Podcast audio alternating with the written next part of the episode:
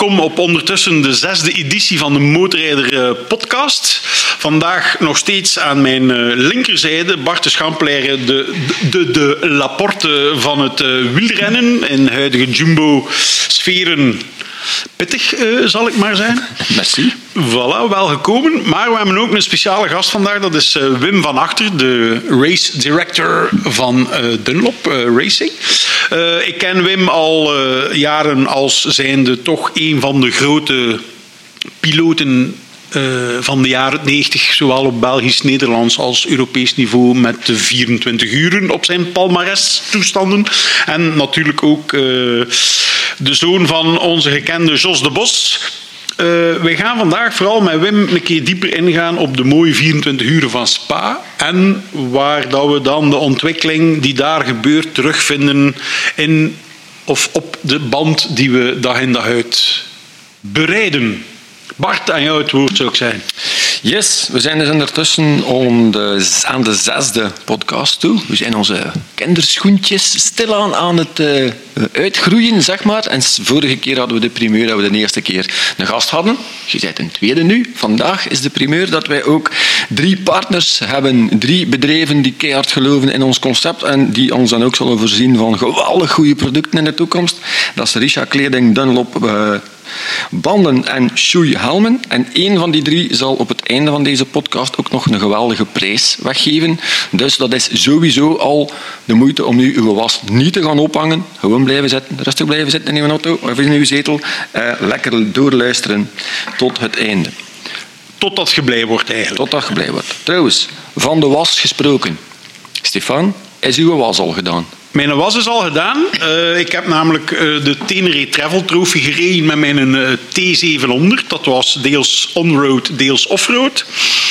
de was is gedaan en zelfs met veel liefde, want een van onze opdrachten was om onderweg een ansichtskaart te gaan kopen, dat een liefdevolle boodschap op te zetten. Dus ik heb mijn ketting vet gebruikt om er een hartje op te zetten en thuis te sturen. Bij thuiskomst was mijn eh, vrouw fantastisch gelukkig over de spontaniteit eh, van het idee. Waarop ik zei, ja, maar dat kaderde eigenlijk in het puntenklassement. Vandaar. Maar de was is gedaan. Dus om maar te zeggen hoe snel dat je punten weer kunt wegsmijten. Voilà, voilà. Ja, juist. Uh, ik ben maar twee dagen weg geweest vorige maand. Ik stond een beetje op regime, bij wijze van spreken. Ik ben met een Afrika Twin twee dagen naar de Moezelstreek geweest. Mooi. Supermooi. Uh, leuke route ingeblikt vanaf Dinant tot de Moezel. 250 kilometer lange doordraaiers. En dan terug van de Moezel tot Eupen. 170 kilometer.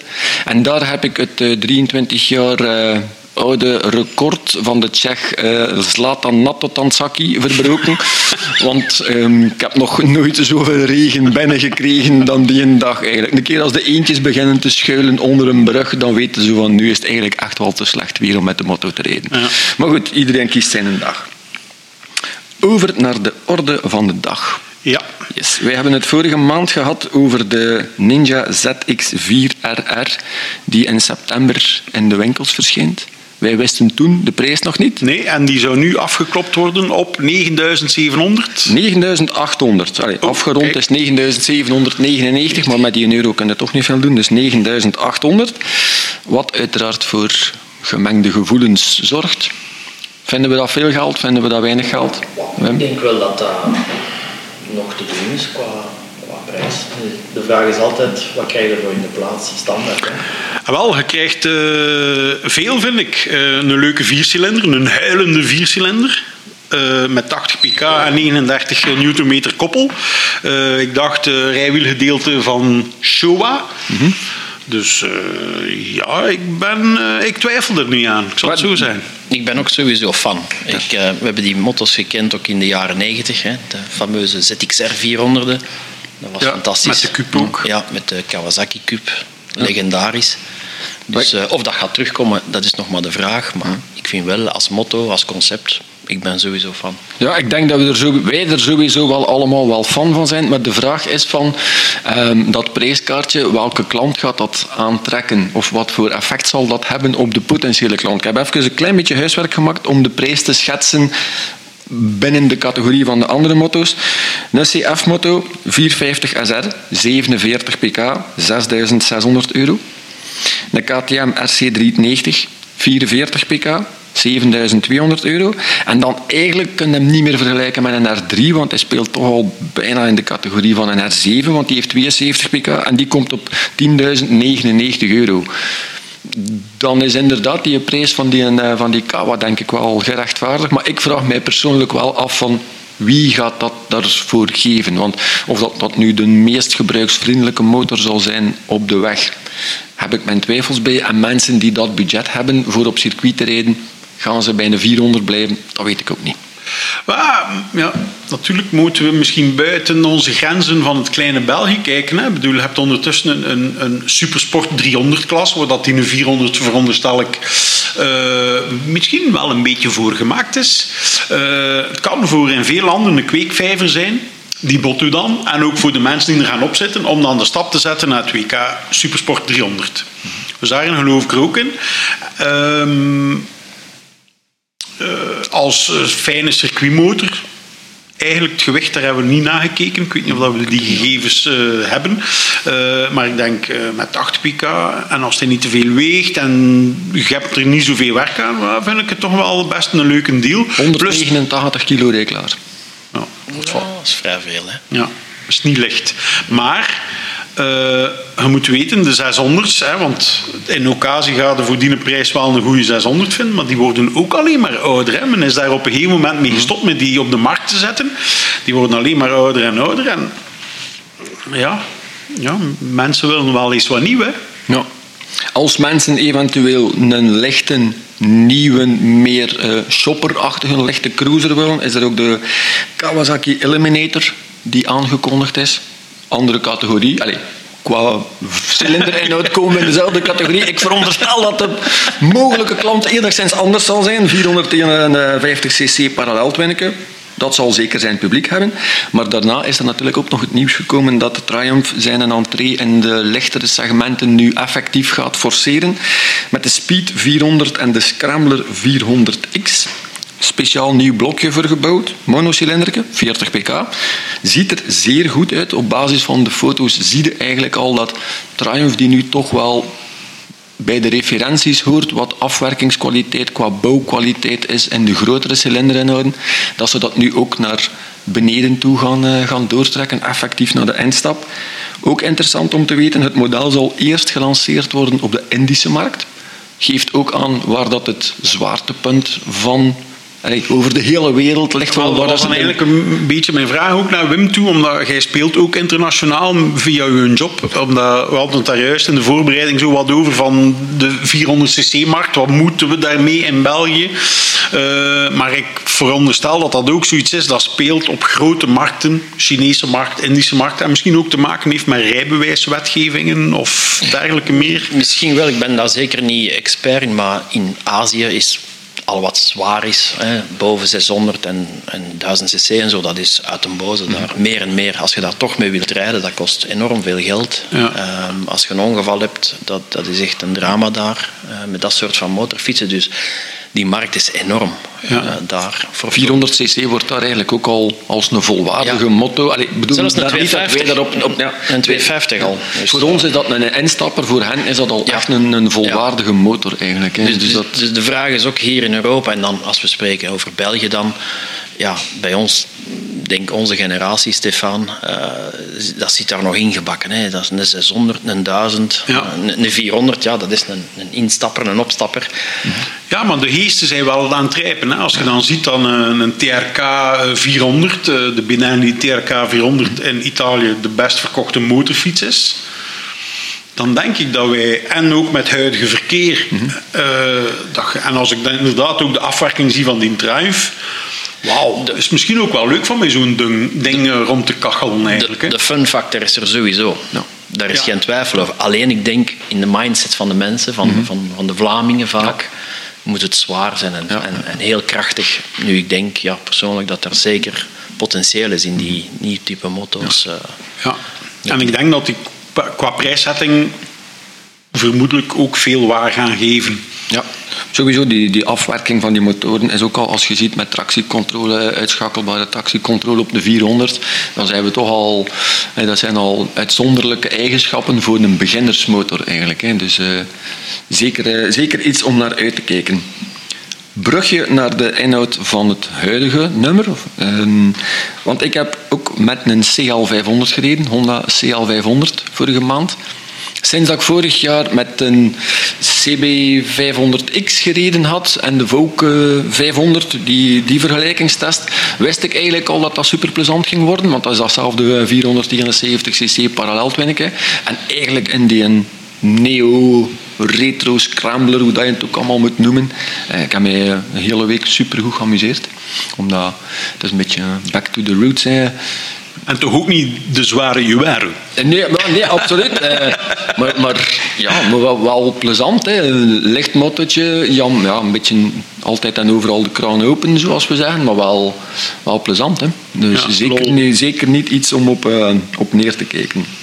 Die CL500 is trouwens ook ja, naked. Hè. Het zit er niet, veel, eh, niet te veel kuipwerk op. En dat is ook het thema van het, uh, van het juli-nummer. We zochten het in zomerse sferen uh, deze maand. Vandaar dat we dachten van iedereen bloot richting het strand.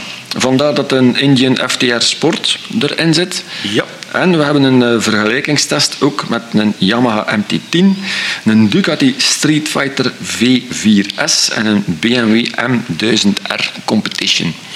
Dat zijn drie motoren, geen kuipwerk, ongeveer 600 pk en ongeveer 600 kilo, om het in een paar cijfers uh, samen te brengen. Heren, iemand een favoriet uit die drie of een andere motor waarvan je zegt van als ik dan Power Naked kies, dan wordt het die? Ik, ik zou gaan voor de BMW. Gewoon, ik denk dat dat het meest uitgebalanceerd is. Um, als je ziet ook hoe ze hun S1000 RR nu geupgrade hebben in 2023 uh, ik denk die M gaat niet anders zijn. Uh, als je ook ziet de kwaliteit van afwerking, de materialen die gebruikt worden. Uiteraard, dat is bij Ducati niet minder, maar ik heb toch een lichte voorkeur voor de, voor de BMW. Uh, misschien ook een beetje uit, vanuit racing, omdat we ja, veel samenwerken met BMW. Maar, um, het zit er toch altijd een beetje. Klein beetje, klein beetje. Maar, nee, maar dat mag, hè? Het is echt wel... Allez, als je mij een favoriet vraagt, ik zou eerst voor de BMW gaan. MT-10 heb ik al eens mee gereden ook. Fantastische motto, goed uitgebalanceerd. Um, zeker niks mis mee, maar ik vind een BMW net iets exclusiever ook. Um, Street Fighters zijn ook al langer in straatbeeld. Dus ik vind de, de BMW toch iets net dat streepje voor hebben. Okay. Stefan? Ik zou voor de MT-10 SP gaan. Okay. Uh, het enige, allee, voor het pakket en het blok. Ik vind het blok ongelooflijk uh, uitdagend. Maar eigenlijk wil ik teruggaan naar de MV Agusta Brutale 29. Oké een smoelwerk uh, voor die tijd ongezien. Uh, ik zat er altijd als gegoten op, voor zover dat dat belangrijk is. Maar toen was dat al een waanzinnig blok. Dus qua naked bike, all over the world, brutale 29. Ja. Okay. Als ik effectief uit dit lijstje moet kiezen, denk ik dat ik ook voor een MT-10 zou gaan. Want het was met de vorige versie, dat was de motor waarmee dat ze mij denken de politie het snelst aan de kant gezet hebben in heel mijn carrière. Die 10 stond effectief na 10 kilometer staat aan de kant en mocht het uitleggen. Dus dat begon niet zo goed, maar ik vond dat wel een... Het enige wat mij bij de MT-10 een beetje, en dat gaat vreemd zijn, stoorde, die MT staat voor Master of Torque. Ah. En dat is ooit begonnen met een MT-01, die effectief de master of torque was. Daar zit geen vermogen in, maar dat was één en al koppel. En daar was dat voor mij de, de perfecte benaming voor die motor. Maar ondertussen met die hele MT-reeks, het is een MT geworden. Niemand weet nog waarvoor dat MT staat. En het, het thema is misschien ook een beetje met een MT-10 bijvoorbeeld uitgehold. Omdat het daar toch puur over vermogen en een stuk minder op koppel draait, omdat het een toerengereden motto is. Dus kleine muggenzifter gewezen kanttekening. Ja, maar het is een PK-strijd. Ja. Ja. Zoals we gekend hebben, 30 jaar geleden was het ook van wie heeft er de meeste pk's. Mm -hmm. En mhm. het lijkt nu weer terug die kant uit te gaan. Ja. Terwijl het veel uitgebalanceerder is. Mooie elektronica, pakketten ja. erop. Uh, alle toeters en bellen zijn aanwezig. Maar mm -hmm. Vraag me persoonlijk af, heb je 200 pk nodig of 190 pk nodig in dat type motorfiets? Ja, want ik had hier ook op mijn eigen lijstje gezet dan, als ik dan toch een echt een favoriete naked of power naked, of hoe dat je het ook moet noemen, moet gaan noemen, dan zou ik zeggen een Tuono V4. Vind ik een fantastische motor qua rijwielgedeelte. Ook wel veel, veel pk uiteraard. Of gewoon terug een street triple. 7, eh, 765. Echt een categorie zakken qua vermogen, maar naar handelbaarheid, naar rijplezier. Geen spel tussen te krijgen, factor sowieso aanwezig. Ja. Meer dan pk's genoeg. Hè? Ja. Op eh, kleine, eh, als je een Eiffelrietje, ehm, alles wat boven de 100 pk is, plenty. Hè? Ja, absoluut. Maar het is toch leuk. Allee, ik bedoel, ik ben ook altijd... Ik, allee, door, door, onder pk is voor mij voldoende, heb ik lang gezegd. Maar als je dan toch zo'n keer met een MT-10 of, of met die dingen een speed triple op strap zit... Ah, het is toch wel Adrenaline. lekker. Adrenaline Dat van moeten we toch zeggen. En Ja, die dingen sturen ondertussen zo scherp en zijn zo goed uitgerust. Ah, ik, ja... Met ouder worden vind ik ze lekkerder eigenlijk. eh. Je zit ook wat traag aan de lichten, dus je hebt niet meer pk's nodig. Hè? Goed. Maar die motto's hebben natuurlijk ook eh, een goede band nodig. En om een goede band te hebben met uw motto, eh, hebben we uiteraard een goede band nodig. Wow. wow. dus kwestie, kwestie van een ongelooflijk bruggetje te slaan en toch maar naar Dunlop. En, eh, en, en de 24 uur van Francorchamps en alles wat er in het eh, endurance gebeuren rondgaat vond dat een zeer goede aangelegenheid om Wim er even bij te hebben, om ook om op die manier toch een stukje een inkijk te krijgen in de paddock en hoe dat er aan toe gaat. Want voor velen is dat ontoegankelijk. We, ja, we kijken er wel naar, maar hoe het verder achter de schermen eraan toe gaat. Ehm, bijvoorbeeld, gewoon, ik was er ook dat weekend. Zag daar een redelijk indrukwekkende stand van jullie, of, of een halve village moet ik het noemen, afgesloten met vrachtwagens, monteurs aan de slag. Ehm, gewoon kwestie van er wat cijfers bij te halen en een idee te hebben van zo'n raceweekend voor jullie. Hoeveel man zijn er daar? Over hoeveel vrachtwagens gaat dat? Over hoeveel banden gaat dat? Waar zijn jullie op voorzien? Lang verhaal kort, er is natuurlijk een, een ja, weken voorbereiding die eraan vooraf gaat. Maar we hebben altijd één service truck waar eigenlijk de banden gemonteerd worden. En dat is die een truck die je ziet staan met die grote tent eraan. Eh, en dan hebben wij vier stoktrailers. Dus wij brengen ongeveer voor een 24 uur wedstrijd brengen wij een 3000 à 4000 banden mee.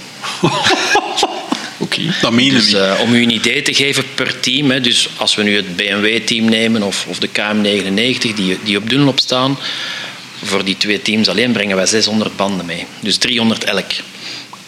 Oké. Dus, Daar worden we even stil van. ja, ja. En eh, qua eh, mensen ter plaatse, we hebben 14 bandenmonteurs, dus monteren en balanceren. Dan hebben we nog een, een vijftal ingenieurs, vijf à zes ingenieurs. Hè. Dus een team zoals BMW heeft een, een, een volledige eh, ingenieur tot hun beschikking, gans het weekend, allee, gans de, van het moment dat ze daaruit pakken. Eh, KM99 net hetzelfde. En de superstockteams die ook allemaal op Dunlop staan, omdat het een, een eh, single brand kampioenschap is. Daar verdelen we de ingenieurs over de teams, omdat daar ook de vragen de, ja, minder... Allee, het, is, het is iets makkelijker te managen. Ja. Omdat ook de bandenkeuze beperkter is voor de superstockteams. En de motoren standaard zijn. Maar standaard niet echt, maar toch, ja, het zijn stokmotoren. Maar als je ziet die tijden die ook die stokmotors draaien daar, dat is toch ook vrij indrukwekkend. Ehm, in, in kwalificatie zitten die maar ja, een paar secondjes boven de snelste EWC-motto's. Dus eh, En er wordt al ongelooflijk hard gereden. er wordt hard gereden. Is niet normaal, hè? Ja, het is fenomenaal. Ik, eh. Ik stond vorig jaar eh, aan de soers bij de 24 uren en de vijf topteams die waren een robbertje aan het vechten dat ik dacht, jongens, het is nog 23 uur en 45 minuten. Eh, doe het wel rustig aan, maar zo werkt het dus niet. Nee, het is echt een 24 uur sprintrace geworden. Ja. We zien ook kleine verschillen aan de finish vaak. En, eh, het is echt, Ik vind het heel mooi om te zien. eh, Er is natuurlijk heel veel kijktijd eh, op Eurosport. Maar het publiek komt er wel niet in Spa. In, in Spa zeker. Dat is ook een opmerking die wij gemaakt hebben aan, aan, de, aan de promotor. Ehm, ik denk wel dat het terug tijd nodig heeft om op te bouwen. Want de laatste keer in de oude setting hè, met Rack Junior van Luik uh, was 2003 was de laatste keer. En sindsdien is er geen enkele 24 uur wedstrijd. Oké, de 6 uur van Francorchamps, uh, die hebben wel succes. Daar komt wel een beetje volk op af. Um, maar ik denk dit, dit evenement moet nog groeien. Uh, er is wel veel, veel moeite gedaan dit jaar ten opzichte van vorig jaar. Ze hebben al veel hè, met de Village uh, voor, de, voor de toeschouwers. Uh, rockconcert, DJ van Monster Energie en zo. Dat was allemaal heel leuk. Maar het grote publiek blijft vooral. Het was nog geen overrompeling. Nee, verder nee, van dat. Nee. Nu, ik denk ook de timing. Hè, midden juni was het. Examenperiode, vakantie die eraan komt. Toegangsprijs was naar mijn gevoel aan de hoge kant. Ja. Uh, ik denk voor een event dat nog moet groeien, ik denk dat daar nog, nog zeker stappen kunnen gemaakt worden, maar ze zijn alleszins op goede weg. Ja.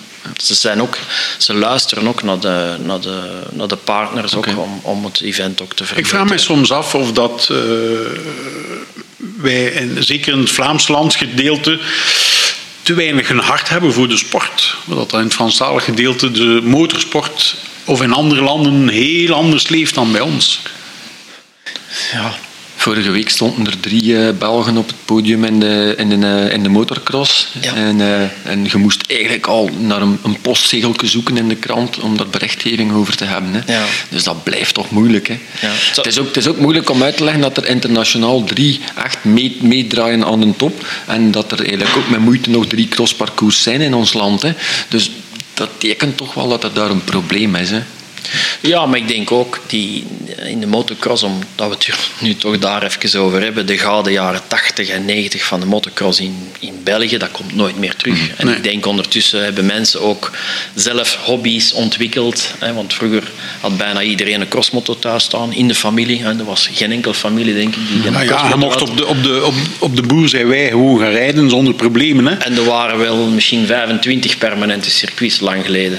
Uh, nu overdrijf ik misschien een beetje, maar dat waren er lang toch genoeg waar je kon gaan trainen en zo. Dat is allemaal gedaan. Mensen hebben andere alternatieven gezocht. Nu, ik sluit me volledig aan. Er stonden drie Belgen op een podium. Dat is jaren geleden. En effectief, ik denk wel dat in het feit dat in overseas was, in Indonesië, dat heeft niet geholpen. Als dat morgen in Lommel gebeurt, hebben we meer kans. En we hebben daar ook effectief op de kans dat het terug gebeurt.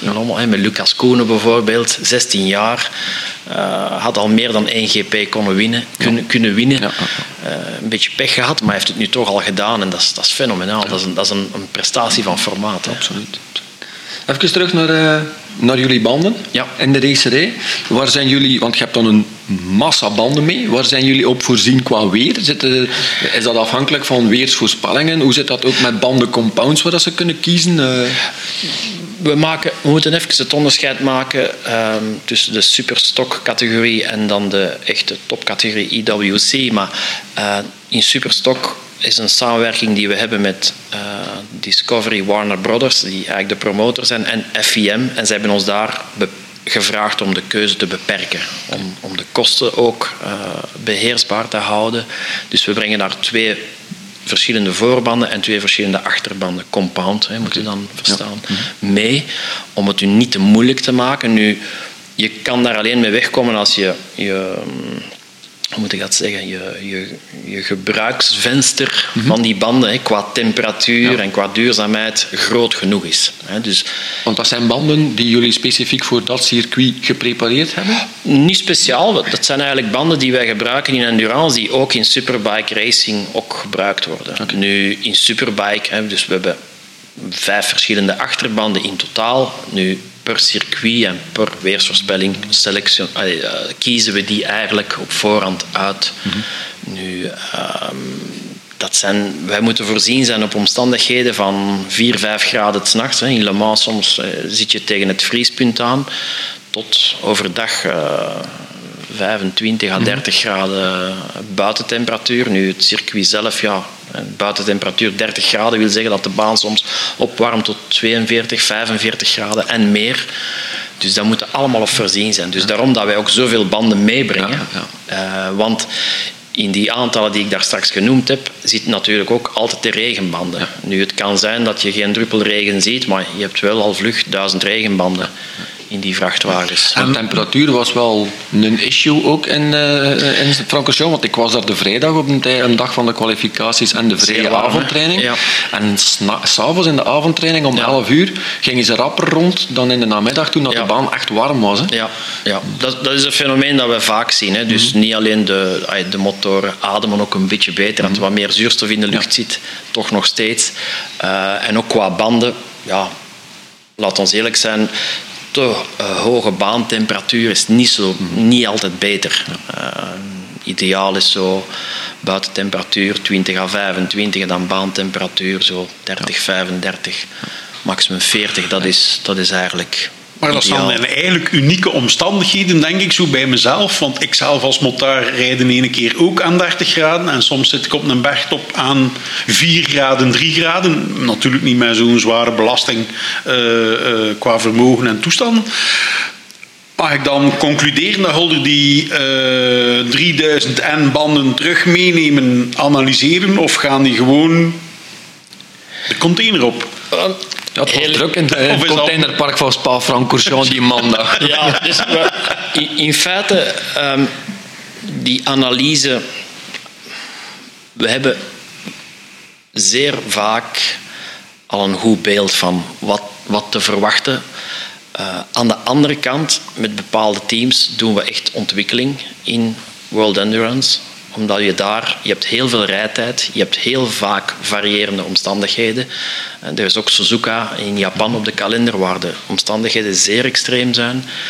Uh, Qua uh, temperatuur? Ja, temperatuur en vochtigheid. Hè. Dus luchtvochtigheid vorig jaar, uh, toen we er waren, 88 procent, om u een idee te geven. 38 graden gezien ook, ambient. Dat is gigantisch. Hè. Ja. banden reageren dan ook anders. ook piloten en motorfietsen reageren anders. Foutje is ook zo gebeurd in die omstandigheden. Nu, om even terug te komen op de vraag, wat leren we daar? met onze standaardbanden die we ter beschikking stellen voor de superstockteams, dus de standaardklasse, mm -hmm. zeg maar, leren we weinig, maar we blijven wel constant uh, verder ontwikkelen, want we willen altijd een groter operating window noemen we dat mm -hmm. met, een, met een fancy term. Hè. Dus we willen dat die banden werken bij 5 graden en bij 35 graden. We willen dat die band een volledige stint, hè, dus mm -hmm. een mhm. volledige benzinetank is 24 liter. Uh, in superstok rijden ze twee stints. Uh, met een achterband en vier met een voorband. Dus dat is vrij lang. Ja. Uh, Terwijl dat in een EWC per stint, per stint voor en achter ja. wisselen. Dus die rijden vier keer rapper een voorband op eigenlijk dan. Uh, ja, ja en, maar die zoeken natuurlijk de pure prestatie. Terwijl een superstokteam, die motorfietsen zijn niet uitgerust met die snelwisselsystemen. Mm. Er, is wel, er staat wel iets knop ja, dat dat wat sneller gaat dan bij een dealer natuurlijk. Mm. maar die zoeken. Zet u een half uur gepakte koffietje.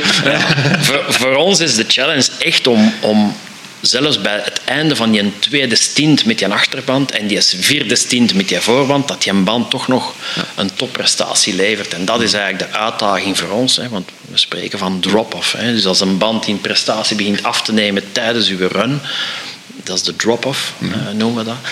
Uh, om die zo beperkt of, of zelfs volledig uit te vlakken. Zijn er ook teams die de keuze van hun piloten daarop afstemmen. Dat de een beter overweg kan met een nieuwe band en een ander eigenlijk iets zuiniger is op zijn banden op het einde voor de, voor de boel onder controle te houden.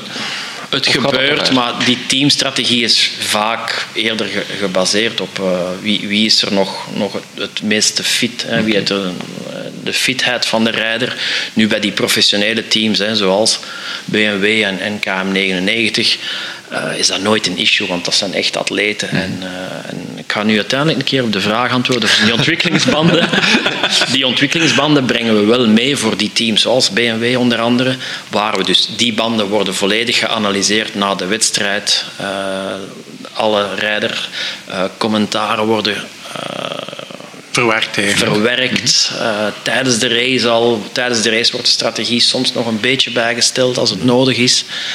Um, zijn die teams er ook altijd happig op om mee te gaan in die ontwikkeling? Want ik kan mij voorstellen, als het om de knikkers gaat, als ze op een bepaald moment zeggen, nu blijven we wel bij de setup die we kennen. Een zeer goede opmerking, Bart.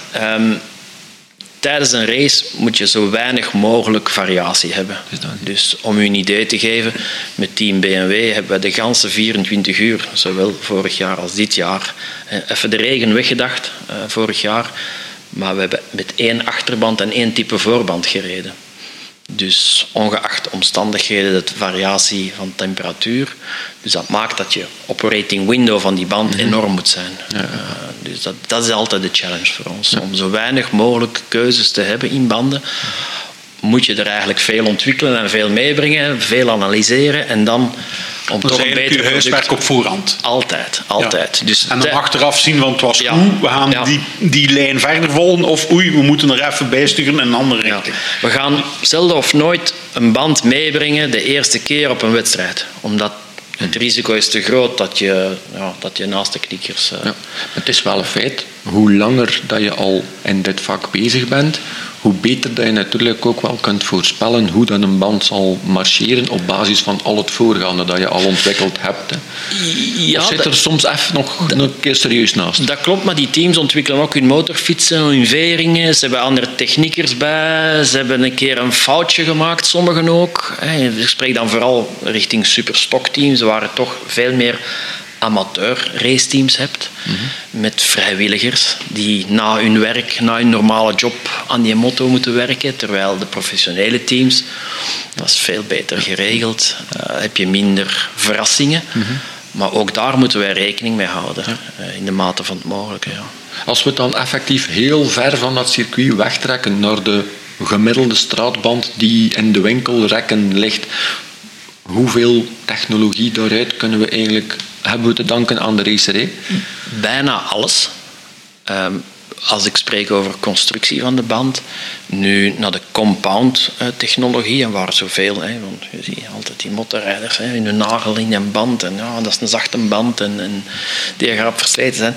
In compound-technologie leren we heel veel in racing, die we dan ook vertalen richting straat, maar dus de, de compound verschillen enorm. Mhm. Eh, maar zoals uh, multithread, dus mhm. harde center, zachtere flanken, uh, komt uit de racerij, de karkastechnologie, jointless belt en al die dingen komt allemaal rechtstreeks uit de racerij. En, wordt zo snel mogelijk toegepast in straat. onze Sportsmart TT bijvoorbeeld, die voorband, dat, dat is bijna een kopie van, van wat we in de racing zien. Uh, en wanneer reed u daar dan mee? Allee, wat is een time tussen... Wij, wij zitten nu met de voorloper van de TT, om hem maar te noemen, die trouwens ook eh, een band is die ze gemaakt hebben voor de GS. Wat ik bijzonder grappig vind, want dat is een superband. Ja. Op de GS, hè? BMW GS, uh, niet een Suzuki 500 GS, vooral duidelijkheid. Ook een enorm circuit. Kan ook, kan ook, kan ook, ja. Nee, nee, maar uh, wat live of... Uh, uh, tussen, hij ligt in de rekken voor uh, Jan met de pet en Bart uh, zonder pet. en wanneer dat Holder daar de eerste keer mee op circuit kwamen, wat tijd zit daartussen als ongeveer? We spreken, als we puur over racing spreken, want de technologie wordt wel van racing naar straat, maar daar zit afhankelijk van hoe, hoe inzetbaar of hoe erg het nodig is, daar kan ik moeilijk een antwoord op geven. Dat kan gaan van een jaar tot twee, drie jaar, afhankelijk van de noodzaak. Maar de dag dat wij met een nieuwe raceband, zal zeggen op papier, beginnen, totdat die in de rekken ligt, is ongeveer 18 maanden. Oké, okay. dat is snel.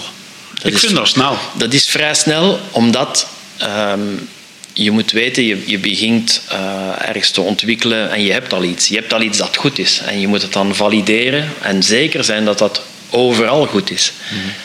Onder veel verschillende omstandigheden. Op verschillende motorfietsen enzovoort. enzovoort. Het, is, het is een product dat wereldwijd verkocht wordt, onder zeer ja. uiteenlopende omstandigheden gebruikt wordt door mensen met veel ervaring, weinig ervaring, zwaardere ah ja, motoren, de typen spelen een rol. Dus ja. ja. En motorfietsenontwikkeling gaat altijd maar verder en verder. We hebben dat ook gezien in road racing bijvoorbeeld. De topsnelheden zijn nog ongeveer hetzelfde. Maar ze zijn veel langer en veel eerder op die topsnelheid aangekomen. Mhm. Door de betere elektronica, de betere chassis. Ja. Dus uh, betere banden ook, die mee moeten evolueren. Dus dat wordt vaak vergeten, hè, dat de topsnelheid uh, eerder bereikt wordt. Heeft ook invloed op, op de banden bijvoorbeeld. Uh, zonder Wel, uh, gemiddelde snelheid, uh, even tussendoor jongens. 219 km per uur, gemiddelde snelheid. Door uh, Hickman, Hickman, denk ik. die- die, ja. Waanzin, waanzin, waanzin, waanzin. Ja. Maar eh, daarop aansluitend. ehm, want ik denk dat veel mensen eh, de glamour zien van de motorsport. Is het zo, als ik morgen een eh, 24 uur team opstart, dat ik van jou eh 500 banden krijg? Of hoe zit dat voor een topteam? Hoe zit dat voor een privéteam? Of is dat, staat er iemand met een bankcontact automaatje aan de vrachtwagen van Dunlop? Maar letterlijk, s- nogmaals, het onderscheid tussen gesponsorde teams, hè, zoals Team BMW, dat is een, een team dat wij ook als ontwikkelingspartner hebben. Daar hebben wij een samenwerking. Dus die banden gaan free of charge, dat we zeggen. Ja. Eh, de superstockteams, dat zijn eigenlijk onze klanten, onze klanten die ook service krijgen, maar die kopen letterlijk elke band. Maar er is wel een mooi systeem voorzien, gebaseerd op prestatie, waar zij eigenlijk een, een heel aantal banden kunnen terugverdienen, ehm, die eigenlijk ook wel hè, gratis dan eh, gegeven worden. Ja. En jullie hebben met die team ook al een betere samenwerking, veronderstel ik. Gewoon op basis van feedback van hetgeen dat je terugkreeg van als je al een keer banden uitgetest hebt met hen. Of... Bedoelde het met Team BMW dan? Nee, met, bijvoorbeeld? met, eh, met de superstocks. Hè. Ja, we- wij streven altijd naar tevreden klanten. Ehm, nogmaals, die teams ook staan allemaal op dezelfde banden. Het is aan hen natuurlijk om de maximale prestatie uit, uit, uit die banden te halen. Nu, onze ingenieurs werken samen met hen. Nu, wat zien we vaak in die superstockteams? Je hebt de professionelere met ervaring, met eh, rijders die uit hè, de EWC-klas overgestapt zijn en zo. Dus die halen altijd het beste eruit. De mindere goden van deze wereld, ja, die, die zien, daar zien we soms een, een, een issue dat we denken, ja, maar het heeft niks met de band te maken, want we hebben er nog 300 andere van diezelfde. Dus ik bedoel, er is, er is een, een zeer strikte kwaliteitsopvolging ook. Dus als er een keer een issue is, dan zie je vaak ook aan de motto's dat er vaak nog veel werk is. En ook aan de rijders, rijstijl. Ehm, dus Luik je banden en racerij afronden. Ah, Jij had- misschien jij- nog een bomshelletje. Ja, je had een nog- je had bomshelletje. nog een persberichtje Eh, Moto 2, gezien. Moto 3 eh, volgend jaar eh, kregen wij een persbericht. ja, Ik hoop dat hij dat ook weet. ik, eh, ik zat in het oog van de storm, maak je geen zorgen. Ja, ja, ja. Nee, ik was betrokken bij alle onderhandelingen en eigenlijk Dus dan met Dorna. Ja, met Dorna. Dus lang verhaal kort heeft Dorna beslist om met een concurrent verder te gaan, puur om commerciële redenen. Dus ehm, het heeft niks te maken met technisch, heeft niks te maken met ontwikkeling. Het is een zakelijke overeenkomst. Ja, dus puur, puur zakelijk. Eh, wij zitten in Moto 2, Moto 3 als exclusieve partner sinds 2012, denk ik. En 2010 voor Moto 2 en 2012 in Moto 3. Nu, all good things come to an end, zal ik zeggen. Eh, maar dat geeft ons ook uiteraard mogelijkheden om in, maximaal in te zetten op andere kampioenschappen waar wij ook aanwezig zijn. eh, zoals MXGP, alle andere nationale kampioenschappen, World Endurance niet te vergeten. Dus, eh, Hebben jullie trouwens een idee?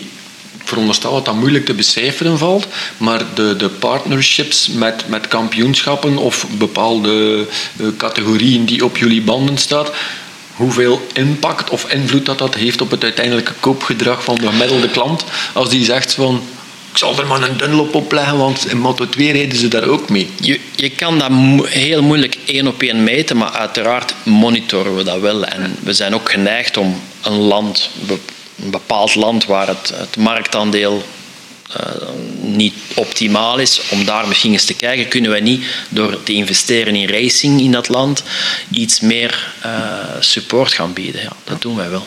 Ja. Oké. Oké, interessant allemaal. Maar eh, ik zou zeggen, eh, we hebben nog een leuke verrassing eh, om deze podcast af te ronden, eh, Bart. Ja, ja. Want volgende maand is de, de 90 Superbike Day, of was dat niet dat je bedoelde? Dat is ook een leuke verrassing, hè? Dat is ook een leuke Ah. verrassing. En eh, het goede nieuws is van onze 90s Superbike Day is dat eh, het vrijrijden eh vol zet is. Maar we hebben als laatste sessie nog een parade. Dus iemand die zegt ik heb nog een 90 Superbike staan en ik kom graag eens langs om de sfeer op te snuiven. Die is zeker welkom en die kan zelfs gratis en voor de helemaal niks Eh, op het einde van de dag, eh, dat zal alleen verzamelen zijn om, om 16 uur, kan Tim zijn de Superbike één rondje onder begeleiding meerijden op het circuit van Zolder. Dus dat het zit er eh, aan te komen. Donderdag 13 juli. hè. Ja, Ik zou, inderdaad. ik zou dat heel graag doen, maar als ik, zo- zolang dat ik mijn pak van 1990 niet meer moet aandoen. dat gaat een Maar er bestaan van die gespecialiseerde diensten om dat een klein beetje ruimer te maken. Er kan altijd een stukje Ja, dat- tussen gezet ja, maar dat worden. gaat een extra koe nodig zijn, denk ik. Ja. Yes, ja, uiteraard. Dat hebben wij nog eh, aan, dankzij eh Shui dat wij een NXR2 helm kunnen eh, weggeven. Dat is toch een, Ja. een blutsmuts van ruim 500 euro, denk ik. Dus dat is ja, een, dat zal zoiets zijn. Dat ja. is een hele mooie om mee te beginnen. Dat zal zowaar in kleur en maat naar keuze zijn, zodanig dat jij met je XL winnende hoofd niet in een rozen S moet rondrijden volgende week. Heel simpel. surf naar shoeeurope.com en eh, laat ons voor 25 juli het gewicht van de Shui NXR2 weten. En mail uw antwoord naar info.motorrijder.be. Ja, en we maken de winnaar bekend in de volgende editie van Motorrijder. Die verschijnt nog- eerste vrijdag van augustus. Ja, klopt. Wat gaan we verder nog doen? Heb je geen speciale plannen, behalve op congé gaan? Eh, ja, we gaan morgen een vergelijkingstestje doen. Hè? Ja, middenklasse Neo-Retro motoren. De namen zie je wel verschijnen in het augustusnummer. Ja, van Aziatische afkomst. Ja. Hè? Met Ik- Italiaanse sausjes over. Zoiets. Of omgekeerd. Ja, ik ga volgend weekend schnitzel eten. Omwille van 100 jaar BMW. Nergens betere schnitzels dan in Berlijn. Ja. En op de terugweg zal ik ook nog een hars leuk rondje rijden in de hars. Ja. Dat is de bedoeling. En ik ga een broodje kroket eten in Loon op Zand voor de GS-trofee. Ja. Dat is weer stof uit uw... eh, uit uw Dat is eh, een balletje stof. Ik zou misschien een kaartje sturen naar uw vrouw als je op de terugweg zit. hè. Ah, dat is nog een gedacht. Yes. En we gaan ook nog toeren in de Franse Ardennen en zowaar in Californië. Wauw. Ja, er staat van alles op de planning. Heren, bedankt voor de aanwezigheid.